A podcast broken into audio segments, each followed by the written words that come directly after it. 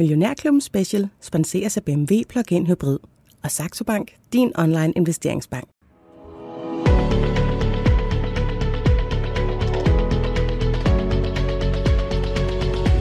Velkommen til Millionærklubben med Bodil Johanne Gansel. 2020 har på mange måder været et usædvanligt år, men en ting synes at stå lysende klar her efter mange og lange måneder præget af pandemi. Verden er for alvor blevet teknologisk, og hvad enten vi bryder os om det eller ej, så er vi formentlig kun lige i starten af det, som nogen vil kalde den fjerde industrielle revolution. Velkommen til Millionærklubben Special, hvor det i dag skal handle om IT-selskabet Netcompany og Netcompanies administrerende direktør André Rogaszewski. Godmorgen og velkommen til dig, André. Godmorgen. André, du er vel nok øh, den øh, topchef, jeg har haft her i studiet med det allersmukkeste efternavn. Hvor stammer det egentlig fra, det her Rogaszewski? Det er da meget sødt sagt. Jeg staver det, og har stavet det hele mit liv. Øhm, det er jo et polsk efternavn, mm. som jeg har fået efter min, mine forældre. Mm. Så begge mine forældre er fra Polen, og de flygtede jo fra Polen til Danmark øh, i slutningen af 60'erne. Så jeg er jo født i Polen faktisk, ja. og, øh, og var vel to-tre år gammel, da vi kom til Danmark øh, og øh, er jo så vokset op øh, i Aalborg, i dobbelt A. Med dobbelt A, kan du så huske nogle af de der år i Polen? Øh, nej, det, ja. det kan jeg ikke. Øh, jeg husker faktisk, det første jeg husker, det er Gu i Aalborg. Og, nej, Vadum i Aalborg, nord for Aalborg, så Gu det efter Aalborg Øst, hvor jeg voksede op i mange år. Mm. Til gengæld er jeg sikker på, at du kan huske en øh, junidag i 2018. Det var jo altså den dag, hvor Netcompany gik på børsen sikkert en øh, fantastisk øh, dag. Det har været en, en lang tørkeperiode med, med IPOs i Danmark, og så lige pludselig så kom I altså der og, og sprang hul på den der boble endnu en gang. Øhm, jeg forestiller mig, at det var lidt af en festdag. Det var det i hvert fald for investorerne, for aktien den startede med at stige 30 procent i løbet af de første par minutter, da der blev ringet på klokken. Hvad var det for en dag for dig? Det var en stor dag for mig. Det var jo et klimaks på, hvad skal man sige, 20 års på det tidspunkt var det 18-19 års udvikling. Vi har jo bygget firmaet op øh, og vokset det organisk, siden vi startede det i, øh, i foråret, altså i vinteren 99-2000 faktisk. Og, og øh, selvfølgelig var det en stor dag. Øh, jeg, jeg, jeg husker det tydeligt. Øh, jeg var også nervøs øh, natten inden. Fik ikke lukket, lukket øjnene så meget, som jeg plejede.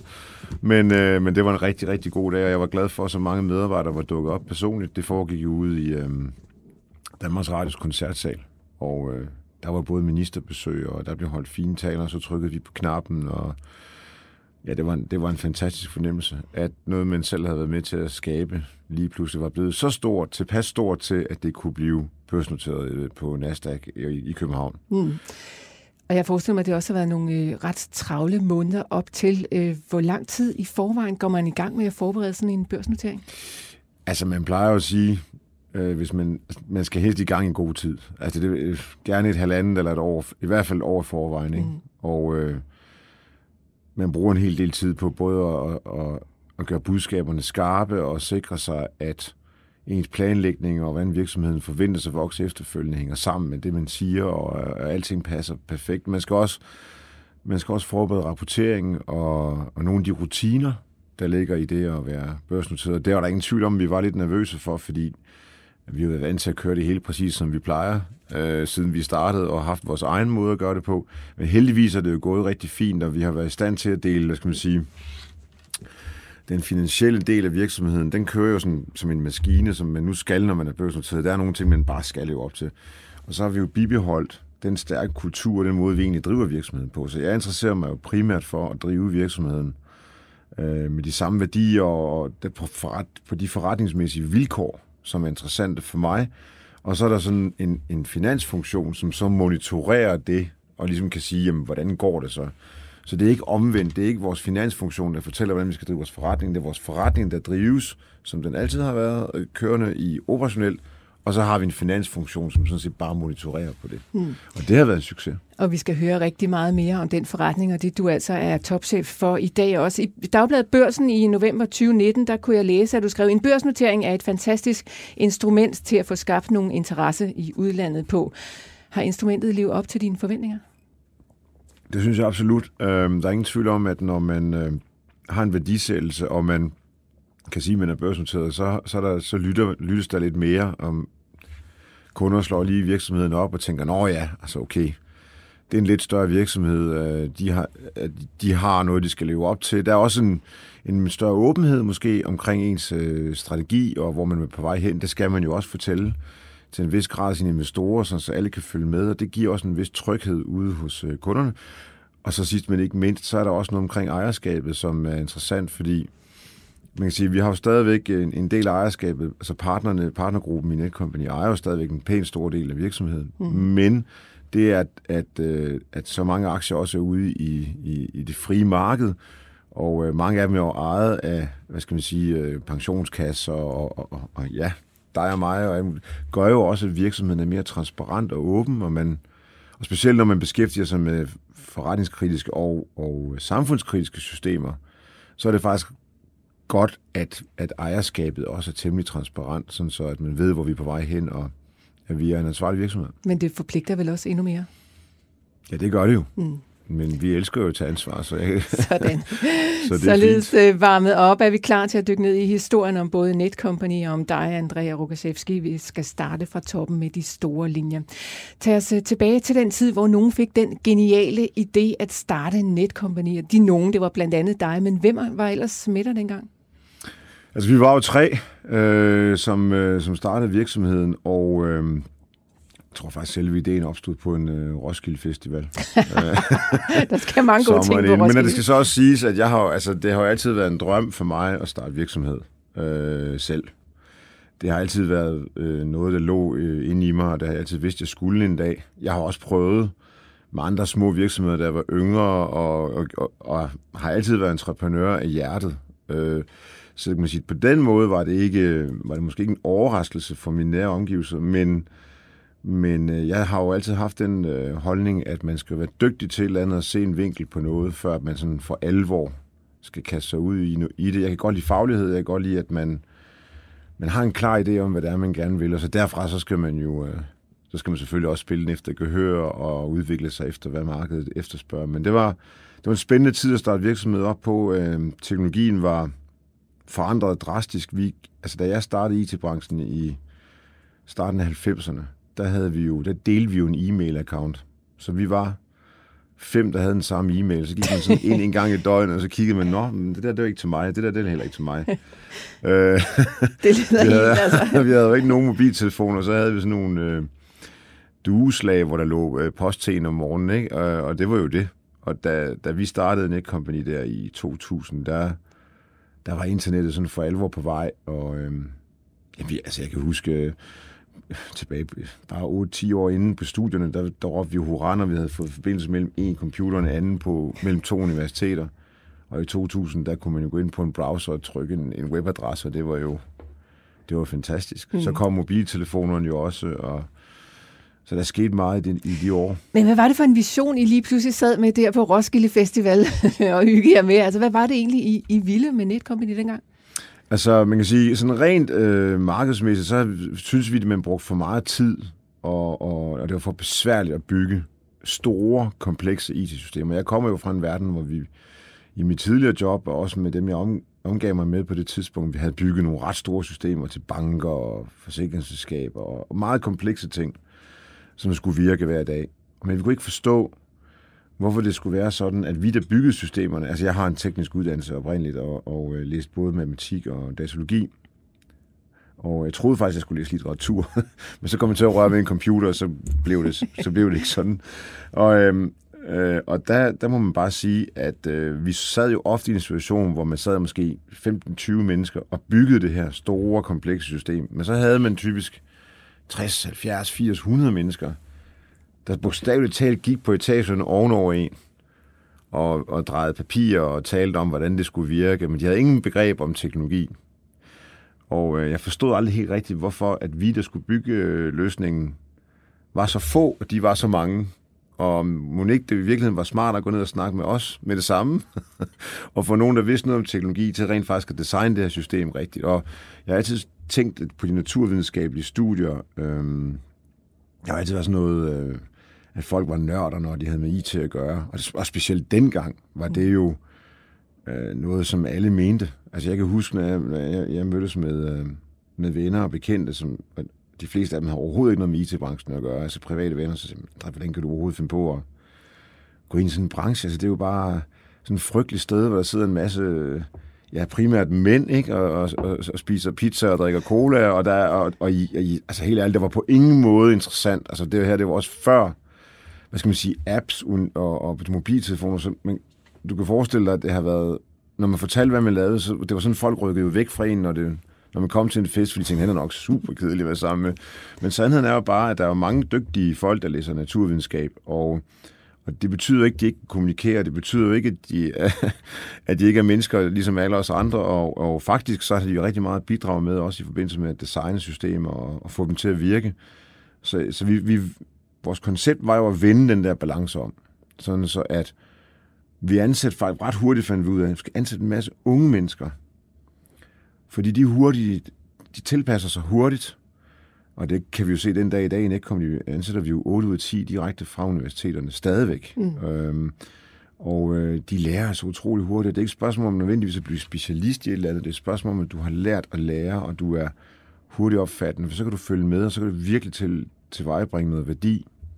Det er jeg altså være glad for. Man sige. Den, den vej kørte vi fra starten af, mm. og så byggede vi det organisk op i Danmark til at starte med. Ja. Og jeg tænker også, Altså, jeg må også ærligt indrømme, jeg er også en af dem, der har haft den der fordom om, at det er nogle nørder, der arbejder med det. Og det er jo måske basically bare, fordi jeg ikke forstår så meget af, hvad de taler om. Men jeg må også sige, at der er jo sket øh, i den grad en udvikling, siden vi der tilbage i 2000, eller hvad det var, så, så folk arbejde med IT, og så til nu, hvor alle jo på en eller anden måde har berøring med IT. Øh, Absolut. Øh, måske ikke til at udvikle systemer, men vi er alle sammen på en eller anden måde nødt til at sætte os ind i en lille bit smule om, hvad IT er og hvad IT kan for at kunne øh, eksistere i det her arbejdsmarked.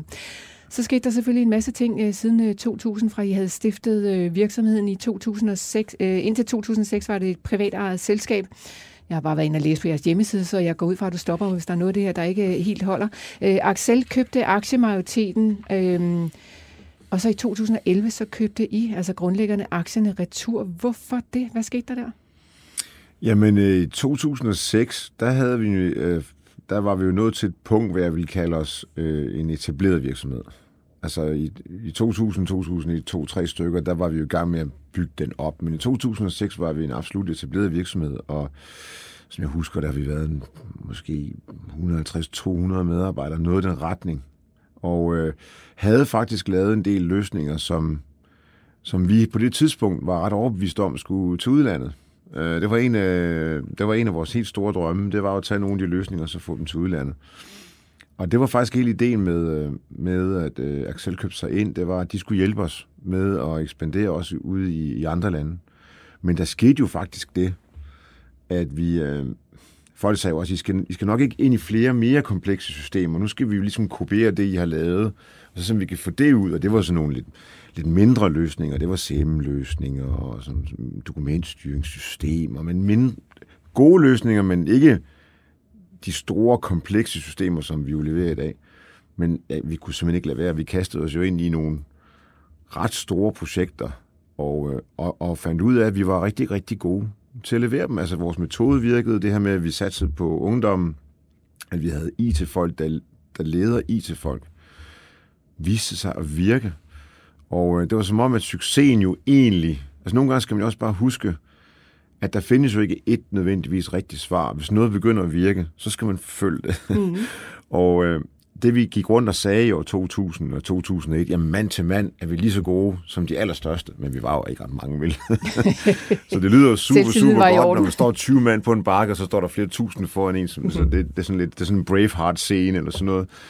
Men, men sandheden er jo bare, at når øhm, det begyndte faktisk, altså fra 2006 og frem til 2010-11 stykker, der begyndte vi faktisk at levere nogle meget, meget, meget større løsninger. Og kunne se, at det var det kunne vi faktisk finde ud af, og det var rigtig godt, det vi gjorde, og vi skabte værdi for kunderne også, også så meget, at kunderne købte mere, og vi fik flere kunder, og så på den måde var det jo, var det jo altså hvorfor stoppe noget, som, som gik så godt? Øh, der skal man jo også nogle gange være, have respekt for, at hey, vi har jo hele tiden sagt, at vi ville det her. Lige pludselig så, så får vi chancen for at gøre det, og vi bliver bedre og bedre til det. Så vi, vi valgte faktisk at vækste virksomheden i Danmark, og kom aldrig rigtig afsted med den der udlandsrejse i 2006 til 2011. Og da vi var i 2011, så, så var vi helt overbevist om, at nu kunne vi bide skære med de allerstørste.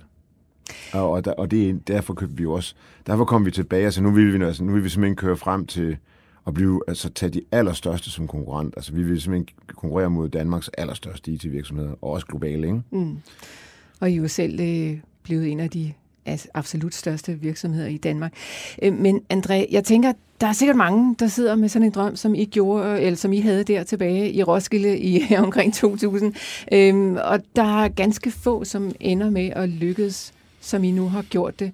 Der er sikkert også mange, som øh, på en eller anden måde øh, ja, bare øh, sidder med de virkelig gode kompetencer og er rigtig, rigtig dygtige, men som alligevel ikke lykkes. Så hvad er det for et kim, der bliver lagt? Øh, altså hvad er det, I kan, som, som andre ikke kan? For jeg tænker, det faglige, teknikken, alt det der, det mm. kan andre vel også? Jo, det kan de, og der kommer rigtig mange dygtige mennesker ud, i, og specielt, jeg synes i dag, de unge kandidater, der kommer ud fra, fra uddannelserne, er simpelthen super dygtige. Jeg synes faktisk også, de er dygtigere, end vi var. Øhm, men jeg tror, det som har været, og det lyder måske sådan lidt som en kliché, altså det er sådan noget, som folk jo altid siger, men det er rigtig svært at gøre. Altså vi har, vi har været meget, meget opmærksomme på vores kunder. Altså jeg har jo haft, øh, og det har jeg faktisk haft også før Netcompany, altså folk gider betale for noget, og jeg er glad for det bagefter, så er du fat i noget af det rigtige. Jeg har, jeg har set øh, mange virksomheder, hvor man har lavet sådan nogle tænketanke, eller man har forsøgt at genopfinde noget, eller finde på noget selv, som over i et hjørne, hvor man så bagefter forsøger at sælge det, og har sådan lidt stedig indstilling til, hvad det er, man vil.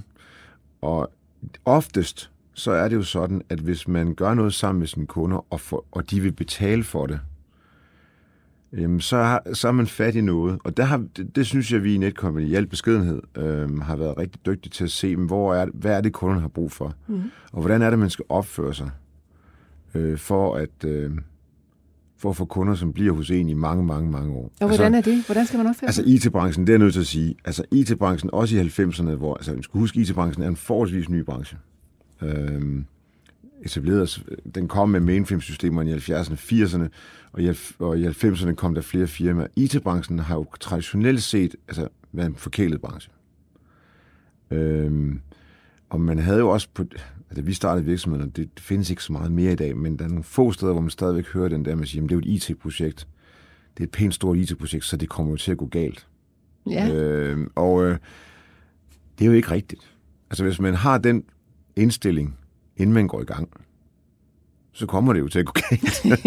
og, og, og hvis både kunder og leverandører har den indstilling, inden man går i gang, så står man et helt forkert sted. Og vi har jo haft den indstilling fra starten af, at det kan simpelthen ikke passe, at man ikke kan planlægge et IT-projekt så godt, at man kommer i mål. Og vi, altså hele kimen til vores succes, det er, at vi har haft utrolig meget fokus på, kom nu i mål til tiden med noget, der har den rette kvalitet, og som overholder kundens budgetforventninger. Hvis du kan det i IT-branchen, så, jamen altså, så er du allerede der, hvor du, hvor du er dygtigere end mange andre, og så vil du få succes. Fordi, øh, og specielt i de her tider, hvor man kan sige, for bare 5-10 år siden, der var IT noget, man lagde ned i sådan en afdeling. Det var IT-afdelingen, og der var et eller andet budget, og der, der satte man strøm til noget. Man havde, det kunne være økonomifunktionen, for eksempel. I dag er, findes der jo ikke en bestyrelse eller en direktion nogen steder. Og hvis der gør, så skal de nok til at vågne op. Hvor IT ikke er noget af det første, man diskuterer. Altså det er en strategisk øh, målsætning at digitalisere virksomheden. Forretning er blevet til IT, IT er blevet til forretning. Så, så den hastighed og hvis man, den garanti for, at man når et sted hen, er enormt vigtig. For hvis ikke du gør det, så kan det være, at konkurrenten gør det. Og, og altså bare jeres egen branche. Altså vi sidder her i et øh, meget lille øh, studie hvor, og, og laver en podcast. Mm-hmm. Øh, den her branche har også ændret sig, og hvis, altså, uanset hvad man beskæftiger sig med, så er, så er teknologi og IT blevet et utrolig vigtigt, øh, en utrolig vigtigt element i ens forretning. Og der tror jeg simpelthen bare, at det som leverandør, hvis man er i stand til at, at levere det, man lover, så simpelt som det. Og sætte al sin energi ind på det. Gør det til sin kultur. Altså hvis du vækker øhm, en Netcompany-person om natten, klokken 3 om morgenen, 4 om morgenen, og spørger, hvad er det aller, aller vigtigste i det, du gør? Så vil personen jo svare, vi, vi er nødt til at levere til tid, budget, og den kvalitet, kunden forventer. Måske ikke så mekanisk, svare så mekanisk, men leverance betyder noget. Og i vores kultur, når vi, nu kan vi ikke samles på samme måde, som vi kunne før, men det håber jeg bliver ændret, bliver ændret i 2021, men så plejer vi jo at gå ned og, og sidde for eksempel i det kongelige teater, eller nu er jo så mange, så vi, vi kan sidde der, eller vi sidder over i det gamle radiohus over på Falconer øh, Allé derovre, og så, og, ja, ja, lige ved siden af Forum. Mm. Og der, der, øhm, der har vi jo stadigvæk for, for vane at tage folk op, som har leveret et IT-system på scenen. Og så sidder der altså i det her tilfælde 17-1800 mennesker og klapper af de mennesker, som har leveret IT-systemet. Så vi hylder jo leverancen. Altså, det er fint nok, at vi sælger noget. Og det skal man altså ikke... Jeg er meget glad for, at vi sælger noget. Men det, vi hylder, det er, at man er kommet i mål med det, og man har leveret det, man skulle. Det er, det er, det er heltene i vores virksomhed. Men det lyder også som at være et stykke fra den der øh, fordom, jeg selv øh, afslørede, at jeg havde om, at øh, IT-folk, det er sådan nogle nørdede nogen, der sidder og kigger ind i en skærm dagen lang, uden at være sådan særlig øh, socialt udadvendte. Så øhm, det her flid aspekt, som du jo altså også taler om, at de rent faktisk så gør brug af, er det så meget anderledes, end hvad andre IT-selskaber gør herhjemme? Men jeg tror virkelig, det har meget at gøre med, med, med kultur. Altså, vi, vi har ikke en... Altså, det er meget vigtigt at gøre sig, gøre, sig, gøre sig det helt klart. Hvorfor er jeg her? Altså, hvorfor går jeg på arbejde? Hvad er det, jeg vil? Hvad er det, jeg skal nå? Og det, det gælder også vores karrieremodel. Vi er jo meget transparente og åbne omkring, hvordan, øh, hvordan man skal få succes. Så vores medarbejdere bliver evalueret hver 6. måned, og også på skrift. Altså, og, og, og de, øh, vi har, altså det er jo en, der er en stor tilfredsstillelse i det, at man ved, hvor man skal blive bedre hen i forhold til hvad. Så man har jo sin, man har en evaluering, som man får på skrift af sin projektleder, og så har man også en mentor, som, som, som taler det igennem med en. Og når, altså, ideen er jo, når man når til, til juletid, som nu, og øh, fordi vi kører jo forfremmelser og, og, og, og, og nye titler og lønforhøjelser og den slags, det kører vi jo en gang om året øh, i forbindelse med, at vi går ind i det nye år. Og der skal det jo helst være sådan, når du modtager dit brev dagen efter julefrosten, nu bliver der jo ikke så mange julefroster i år, men dagen efter julefrosten, så skal du kunne åbne det brev, så skal du tænke, jamen det her, det giver god mening, fordi det er ikke en overraskelse for mig, at jeg er blevet forfremmet, eller det er ikke en overraskelse for mig, at jeg ikke er det er ikke en overraskelse for mig, at min nye løn er whatever, fordi jeg er blevet forventningsstyret til, at det er det her, jeg skal gøre bedre, eller jeg er allerede blevet rost i forhold til det her og det her, så det er det her, jeg skal... Og det tror jeg er enormt vigtigt at få sat det ind. Det har vi jo institutionaliseret og gjort til en væsentlig del af vores kultur, at vi ved, hvad vi vil med hinanden. Mm. Altså, vi ved, hvad vi vil med kunderne, fordi dem har vi lovet noget, og så ved vi også, hvad vi vil med hinanden. Altså, i Netcompany har vi også øh, en regel, der hedder, at det er svært at blive, komme længere op, skal man sige, og blive til noget, hvis ikke du selv sørger for, at der er nogen, der bliver ligesom dig. Så hvis, hvis du skal blive til noget, jamen så sørg dog for at lave en eller to øh, af samme slags som dig selv, fordi så vokser hele virksomheden. Øh, og på den måde, så er vi alle sammen med til at skabe dygtige og fantastiske mennesker, og i sidste ende, det må man jo også bare sige, man gider ikke gå på arbejde, hvis man ikke sidder med nogle mennesker, man rent faktisk har det rigtig godt med, både fagligt og socialt, og det, øh, det miljø skaber vi jo selv. Øhm. Men vel også en vis form for pres på nogens skuldre. Altså jeg tænker, det lyder som om, man også skal præstere dag efter dag, og, og, øh, og på en eller anden måde sådan hele tiden gøre det bedre. Kan alle typer medarbejdere holde til det? Ja, altså det her det, det, på alle niveauer og på øh, ambition er godt. Og øh, det er godt. Øh, og øh, selvfølgelig er vi alle sammen på forskellige niveauer, og vi er jo ikke overmennesker. Altså vi laver jo også fejl. Og der er ting, man, og det lærer man jo af. Sådan er det. Men det er vigtigt at have ambition, og det er også vigtigt at have mål. Mm. De kulturer, hvor man ikke tør at tale så meget om det, eller slår det hen, det, er som, det, det går som regel ikke så godt. Fordi så vil folk miste motivationen. Og i sidste ende er det jo motivation, der betyder noget for, for den indsats, du yder, og også for den livsglæde, du reelt øh, får ud af det. Vi skal huske, vi bruger altså i Danmark bruger vi jo hvad? 7,5-8 timer om dagen på vores arbejde, Som, ikke? at det gør rigtig mange mennesker. Hvis ikke, hvis ikke det, øh, giver mening, og du ikke er motiveret, og, jamen, så, så bliver det altså nogle lange uger, ikke, hvis, det, hvis du bare sidder og venter på weekenden. Mm.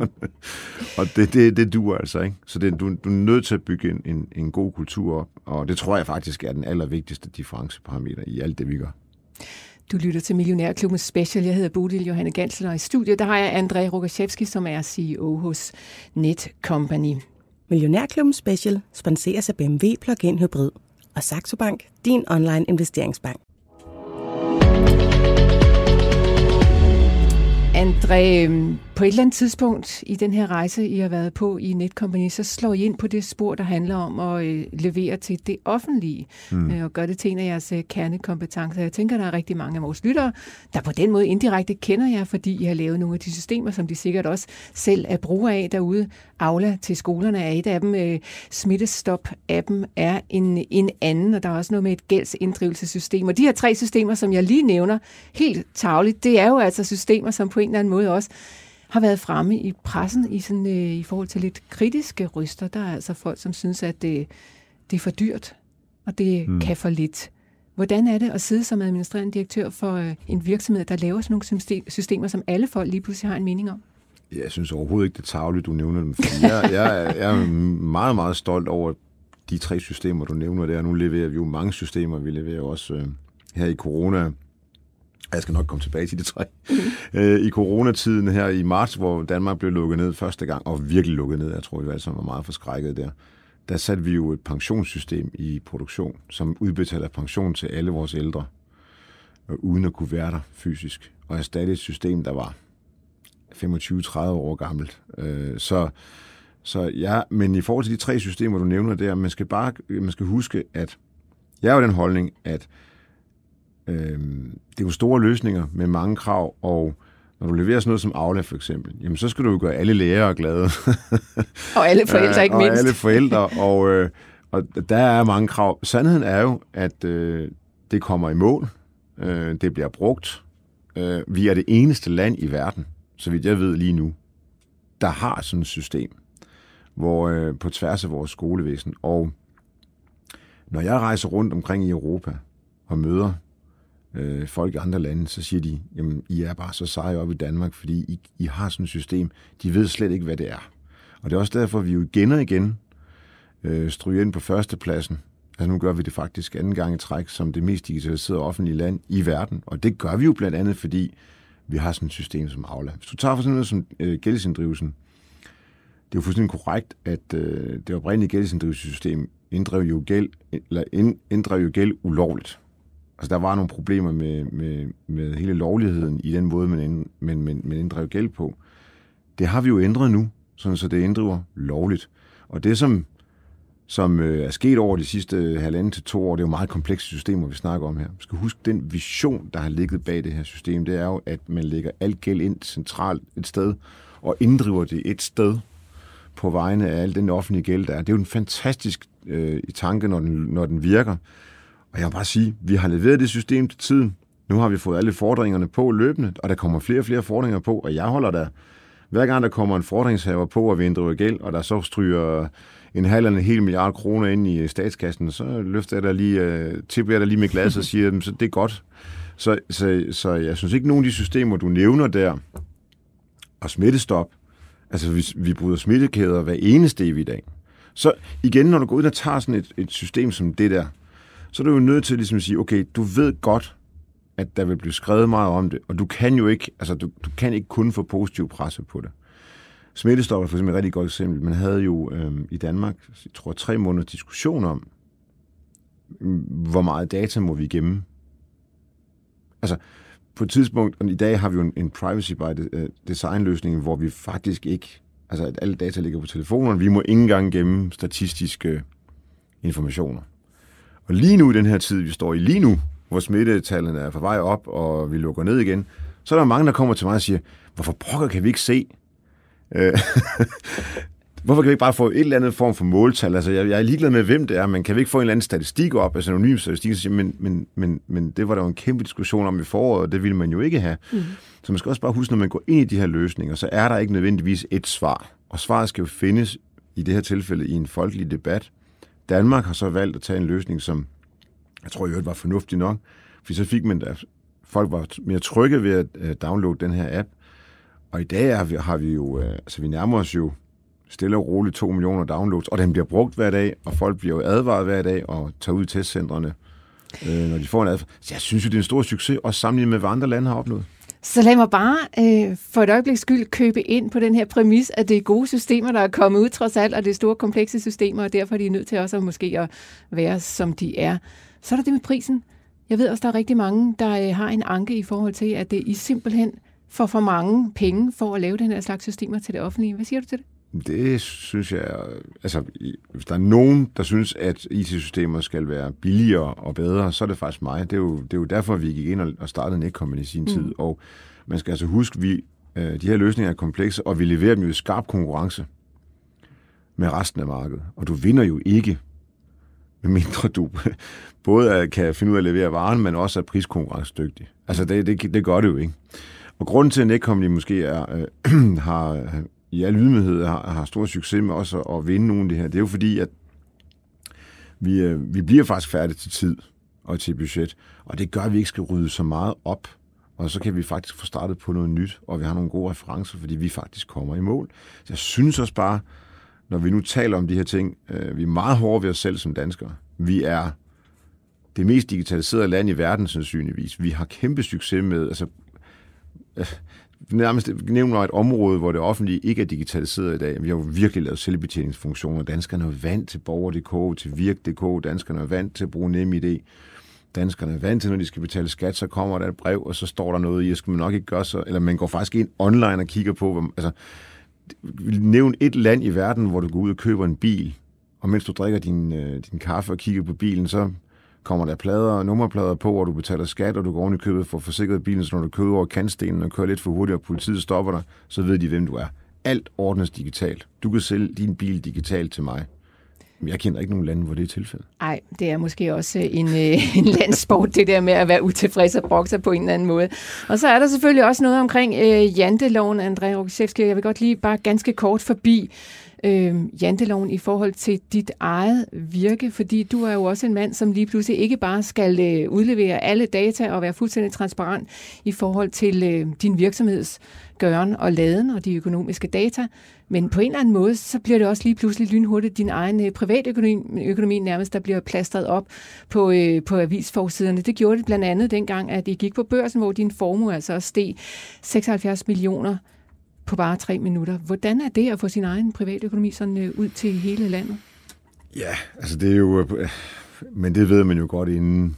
Øh, man kan sige også inden børsnoteringen, der var der jo faktisk også artikler om, altså hvad er regnskabet, hvor mange penge tjener man. Altså, sådan er det jo. Vi er jo ret transparent i Danmark. Mm. Øh, er det godt eller skidt? Jamen, jeg tror sådan set grundlæggende, det er fint. Øh, det tror jeg faktisk. Og øh, der, der er ingen grund til... At vi i Danmark er vi faktisk vant til, at men det, du kan jo slå op, hvad naboens hus koster. så, så på den måde, det synes jeg, man skal leve med. Altså, mm. det er en del af det at tage et ansvar, og, og, og der står jo også, hvis du taber pengene, ikke? Altså, det, så det er jo, så. hvad det er. Altså, det tror jeg, man skal... Det, det, må, man, det må man vende sig til. Så får du den øhm. store mikrofon øh, lige op i snotten. Ja, ja. sådan er det. Øh, André, lad os øh, lige bruge de sidste 10 minutter her på at kigge lidt fremad og finde ud af, hvor at Netcompany er på vej hen. I er jo allerede i udlandet, som I drømte om på et eller andet tidspunkt, da I startede den her virksomhed. Øh, noget af det er kommet via opkøb af, af selskaber rundt omkring i, i blandt andet Norge og i, i Holland og i Storbritannien har I købt selskaber op. Øh, men hvor meget mere skal I til udlandet med Netcompany?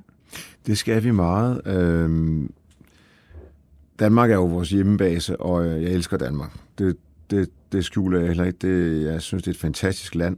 Øhm, og jeg kommer jo fra en familie, hvor vi faktisk er flygtninge, og jeg kan huske, at min far fortalte mig, at det er verdens mest fantastiske land, fordi her der kan du uddanne dig gratis, og, og folk er, er, er ordentlige og søde og rare. What's not to like? og det har jeg aldrig taget som en selvfølge. Jeg elsker Danmark. Jeg synes, øh, jeg synes det er et fantastisk land, vi har bygget op, og man kan altid... Altså, der, er jo, der vil altid være en diskussion om, skal man rykke det lidt den ene vej, lidt den anden vej, men i store hele træk, så tror jeg også, at de fleste danskere er stolte af deres land og det, vi kan. Og jeg, jeg, vi er jo en virksomhed, som baseret på danske værdier og det, vi kan i Danmark, gerne vil ud og gøre det samme i andre lande. Og måden, vi har gjort det på indtil nu, har jo været, at vi har købt øh, mindre virksomheder op, som har nogle dygtige ingeniører, teknikere, og IT-folk og altså naturvidenskabelige folk. Og så har vi ligesom taget vores danske kultur og hele måden, vi arbejder på, og så har vi ligesom injiceret det ind i virksomheden og sagt, nu, nu skal vi gøre, og så har vi ansat en masse unge mennesker på toppen af det, mm så, og så ligesom forsøgt at lave den samme organiske vækstrejse i de lande. Og det bliver vi ved med at gøre. Øh, det er vigtigt for os, fordi Danmark er jo også et, et, øh, et lille land, og det betyder, at på sigt, så skal vi jo også, og det er vi jo også i gang med at vokse i andre lande. Og jeg har ingen tvivl om, at øh, det har altid været en drøm øh, for mig. Og, man kan sige, i Danmark startede vi som en opstartsvirksomhed, så blev vi en udfordrer, og nu er der nogen, der vil mene, at vi også er en af de champions i det her land. Ikke? Nu skal vi ud og, og vise, at en dansk virksomhed kan gå ud og lave en, øh, en, en succes i udlandet, og det har altid været min drøm at få det op på skinner, fordi øh, øh, hvorfor skulle vi danskere ikke kunne det?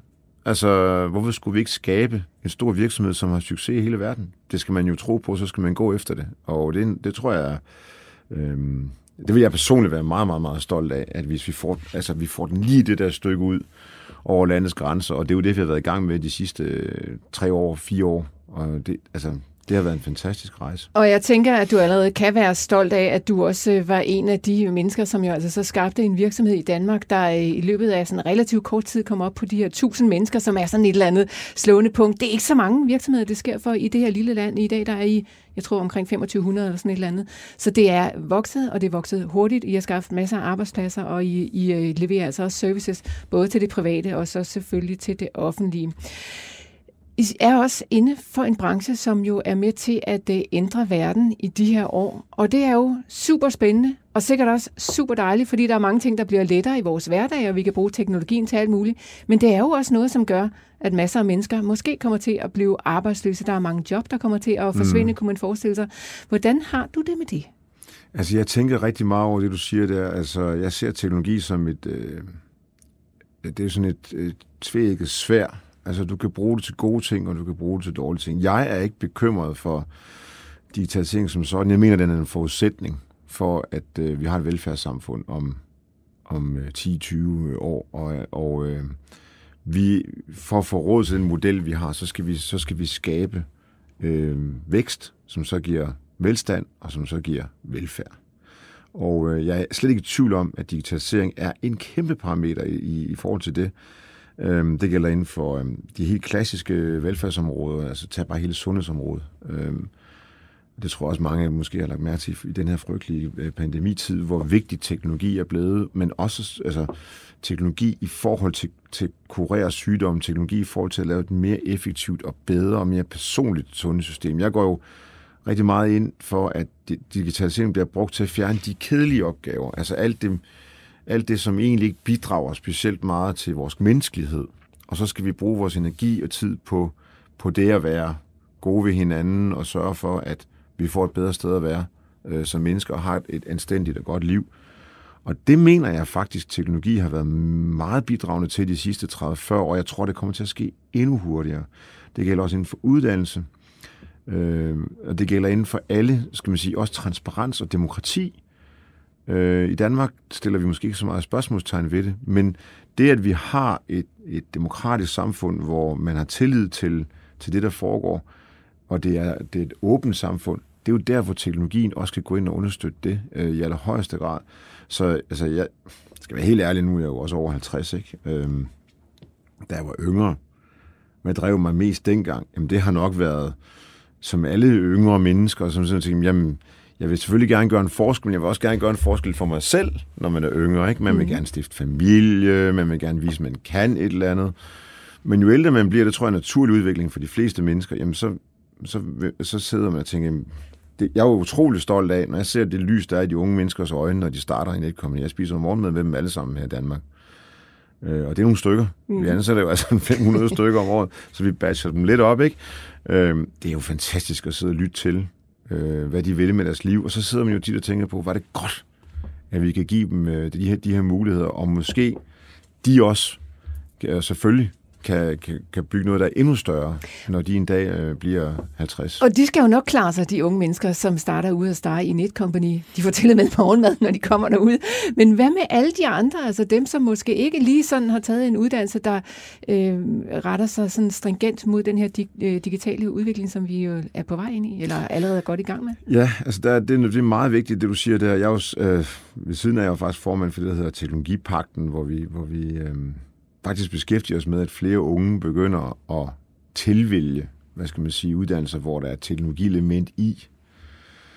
Øh, og øh, i det hele taget, så tror jeg, det er vigtigt, at vi får fortalt budskabet om, hvor er arbejdsmarkedet på vej hen, og hvad er det for nogle kompetencer, der i højere og højere grad er brug for, og få aflivet den her myte om, at man ikke er kreativ eller dygtig, hvis man får elementer af teknologi eller naturvidenskab ind i sin uddannelse. Jeg er overbevist om, og det er jeg ikke at snakke om, at alle skal være øh, alle skal læse noget naturvidenskab. Det er slet ikke det, jeg siger. Men vi har brug for øh, flere kompetencer i vores samfund, og jeg tror, øh, vi skal opjustere på vores tekniske naturvidenskabelige kompetencer, og så i sammenhæng med, altså som teams, skal vi ud og forandre verden. Og jeg tror, Danmark er en rolle, rollemodelland for utrolig mange andre lande. Hvis vi tør stå ved det og vise, hvad det er, vi har lavet her, så kan, vi faktisk, så kan det blive en stor eksportvare for os. Men vi har brug for flere, der ikke bare bruger teknologien, men også kan bygge teknologi. Mm.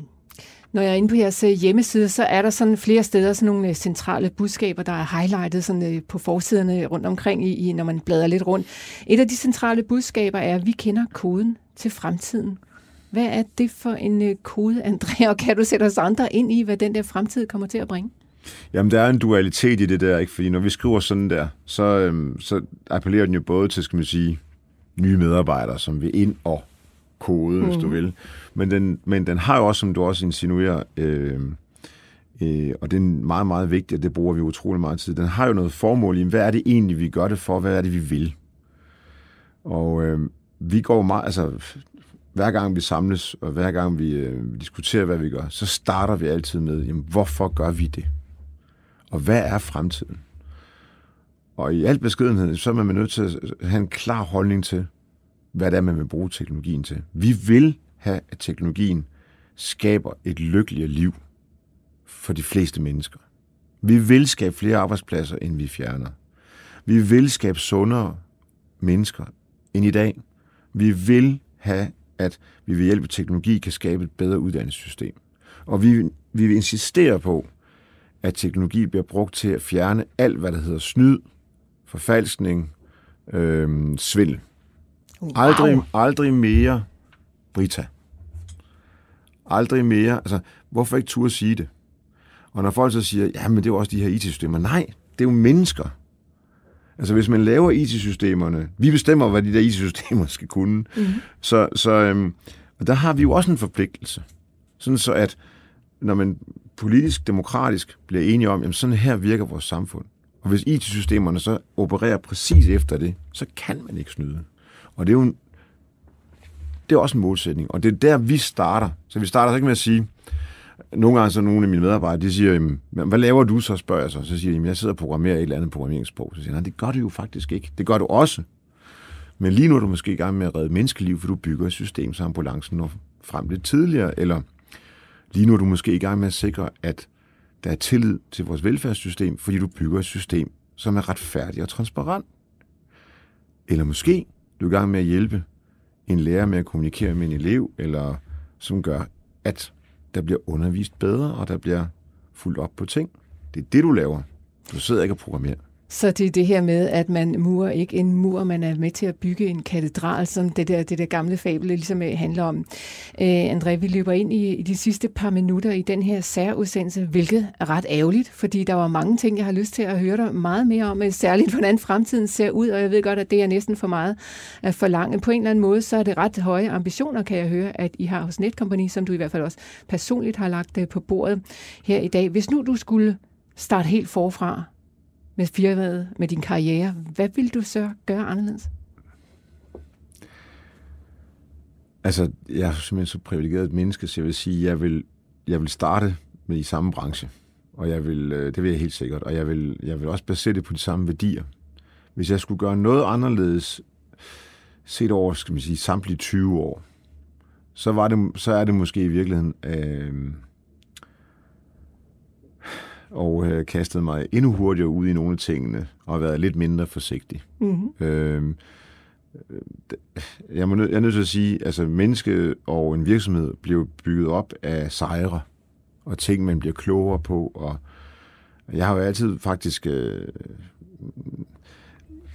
gerne vil verificere, at nogle ting virkede, før jeg måske gjorde dem. Øh, man, kunne man have gjort noget af det lidt hurtigere, hvis man havde været lidt friskere? Det tror jeg faktisk godt, man kunne.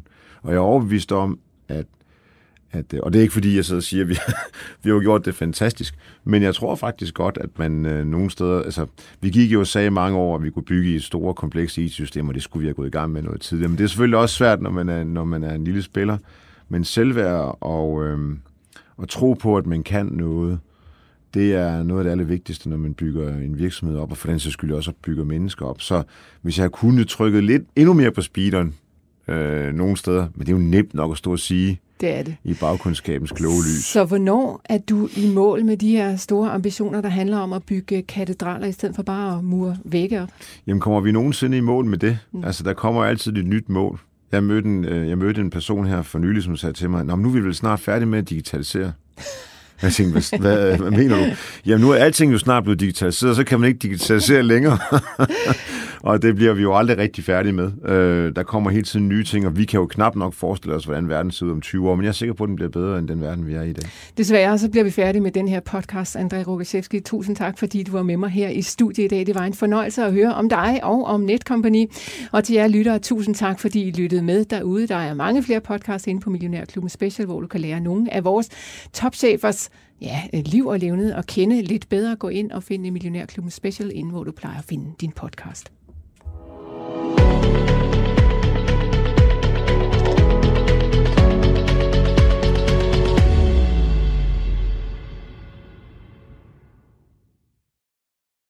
Millionærklubben Special sponseres af BMW Plug-in Hybrid og Saxo Bank, din online investeringsbank.